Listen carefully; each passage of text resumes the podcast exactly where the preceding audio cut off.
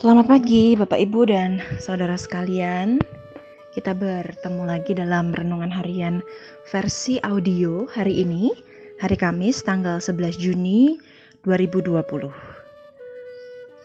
Renungan harian di hari ini akan saya bacakan dari teks kitab suci yang saya ambil dari pengkhotbah pasal yang ke-9 ayat 1 sampai 12. Pengkhotbah pasal 9 ayat 1 sampai 12. Namun sebelum saya akan membacakan bagi Bapak Ibu sekalian, mari kita berdoa. Ya Allah yang hadir dalam setiap nafas dan detak jantung kami, serta seluruh keberadaan dan seluruh sensasi dalam tubuh kami, entah sehat maupun sakit.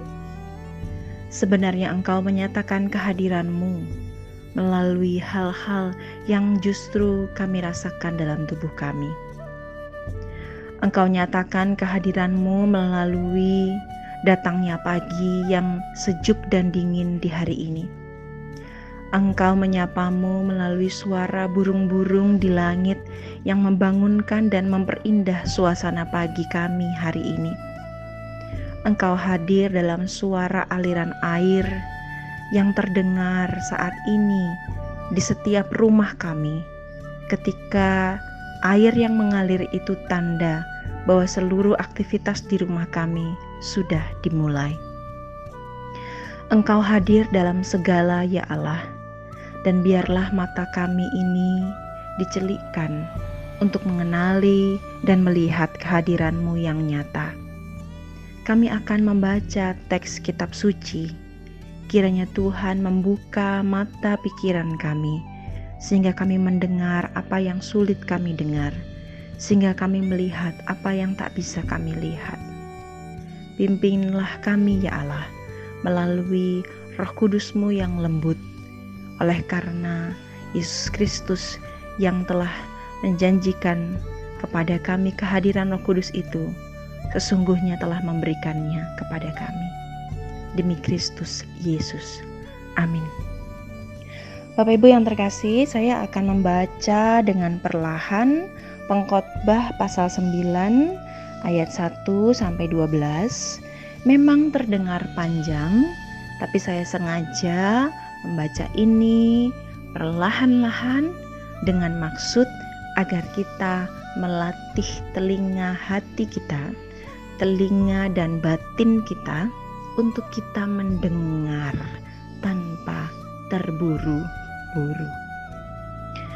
Pengkhotbah pasal 9 ayat 1 sampai 12.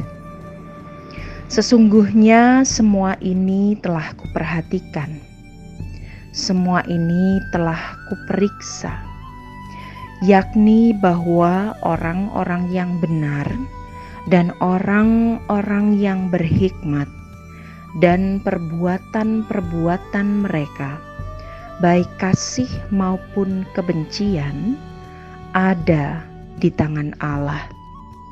Manusia tidak mengetahui apa pun yang dihadapinya segala sesuatu sama bagi sekalian. Nasib orang sama, baik yang benar maupun orang yang fasik, orang yang baik maupun orang yang jahat, orang yang tahir maupun orang yang najis, orang yang mempersembahkan korban maupun yang tidak mempersembahkan korban. Sebagaimana orang yang baik begitu pula orang yang berdosa. Sebagaimana orang yang bersumpah, begitu pula orang yang takut untuk bersumpah. Inilah yang celaka dalam segala sesuatu yang terjadi di bawah matahari. Nasib or, semua orang sama. Hati anak-anak manusia pun penuh dengan kejahatan dan kebebalan ada dalam hati mereka seumur hidup, dan kemudian mereka menuju alam orang mati. Tetapi siapa yang termasuk orang hidup mempunyai harapan. Karena anjing yang hidup lebih baik daripada singa yang mati. Karena orang-orang yang hidup tahu bahwa mereka akan mati, tetapi yang mati tak tahu apa-apa. Tak ada upah lagi bagi mereka, bahkan kenangan kepada mereka sudah lenyap baik kasih mereka maupun kebencian dan kecemburuan mereka sudah lama hilang. Dan untuk selama-lamanya tak ada lagi bahagian mereka dalam segala sesuatu yang terjadi di bawah matahari. Mari, makanlah rotimu dengan sukaria dan minumlah anggurmu dengan hati yang senang. Karena Allah sudah lama berkenan akan perbuatanmu Biarlah selalu putih pakaianmu dan jangan tidak ada minyak di atas kepalamu. Nikmatilah hidup dengan istrimu yang kau kasihi seumur hidupmu yang sia-sia, yang dikaruniakan Tuhan kepadamu di bawah matahari. Karena itulah bahagianmu dalam hidup dan dalam usaha yang engkau lakukan dengan jerih payah di bawah matahari. Segala sesuatu yang dijumpai tanganmu untuk dikerjakan, kerjakanlah itu sekuat tenaga. Karena tak ada pekerjaan, pertimbangan, pengetahuan, dan hikmat dalam dunia orang mati. Ke mana engkau pergi? Lagi, aku melihat di bawah matahari bahwa kemenangan perlombaan bukan untuk yang cepat, dan keunggulan perjuangan bukan untuk yang kuat. Juga roti bukan untuk yang berhikmat, kekayaan bukan untuk yang cerdas, dan karunia bukan untuk yang cerdik cendikia. Karena waktu dan nasib dialami mereka semua. Karena manusia tidak mengetahui waktunya. Seperti ikan yang tertangkap dalam jala yang mencelakakan, dan seperti burung yang tertangkap dalam jerat, begitulah anak-anak manusia terjerat pada waktu yang malang, karena hal itu menimpa mereka secara tiba-tiba. Jika Bapak Ibu ingin mendengar kembali, saya sarankan berhenti di sini lalu ulang kembali ayat-ayat yang tadi saya bacakan. Bapak Ibu yang terkasih serta saudara-saudara, saya tidak akan berpanjang-panjang dalam uh, renungan audio ini, tetapi saya hanya ingin betul-betul mengajak Bapak, Ibu, dan saudara untuk dengan tenang kembali mendengar setiap ayat-ayat yang baru saja saya bacakan. Mengapa? Karena ketika saya sendiri membaca dengan tenang bagian dari kitab pengkhotbah ini, saya mendapatkan beberapa hal yang ingin saya bagikan. Yang pertama, ketika saya membaca kitab pengkhotbah ini saya tahu bahwa entah orang baik atau orang jahat, orang jujur ataupun pembohong, orang kaya atau orang miskin, orang yang melayani atau yang tidak melayani, orang yang memberi atau orang yang pelit sekalipun, semua manusia nasibnya dalam arti nasib ini adalah kesudahannya adalah kematian. Sama, semuanya sama. Di dalam kesadaran ini, saya kembali menyadari bahwa betapa tak ada satupun di dunia ini, apa pun itu, yang dapat membuat kita berbeda dengan orang lain. Artinya, soal kematian Ya betul bahwa kematian dalam Tuhan adalah kematian yang mengantar kita pada kehidupan kekal.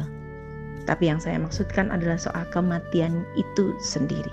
Semua orang akan mati. Yang kedua, di dalam kesadaran itu kita pun mengerti bahwa bicara soal kematian tak ada pun tak ada satupun orang yang mengerti kapan dan bagaimana ia akan mati bukan? Oleh karena itu dalam kehidupan yang masih Tuhan beri, mari kita mengerjakan apa yang bisa kita kerjakan. Bukankah itu yang kita dikatakan oleh kitab pengkhotbah di ayat yang ke 10 Sempurna atau tidak sempurna itu bukan masalah.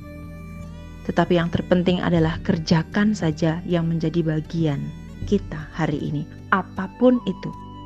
Entah Anda yang bekerja, entah Anda yang di rumah, entah Anda yang melayani, siapa pun Anda dan apa pun yang Anda lakukan, kerjakan saja. Just do it, just do it. Dan apa pun hasil dari pekerjaan Anda hari ini, entah sukses ataupun gagal, mari belajar menikmatinya. Mari belajar memberi diri untuk mengapresiasi seluruh hasil kerja keras.